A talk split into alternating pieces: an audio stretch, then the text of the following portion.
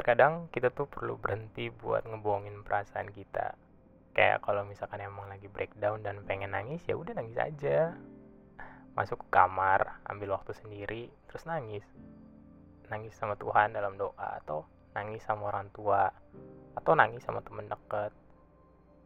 Karena ya terkadang nangis jadi hal terbaik yang bisa kita lakuin di saat nggak ada lagi hal-hal yang bisa diucapkan dari mulut kita nggak sih?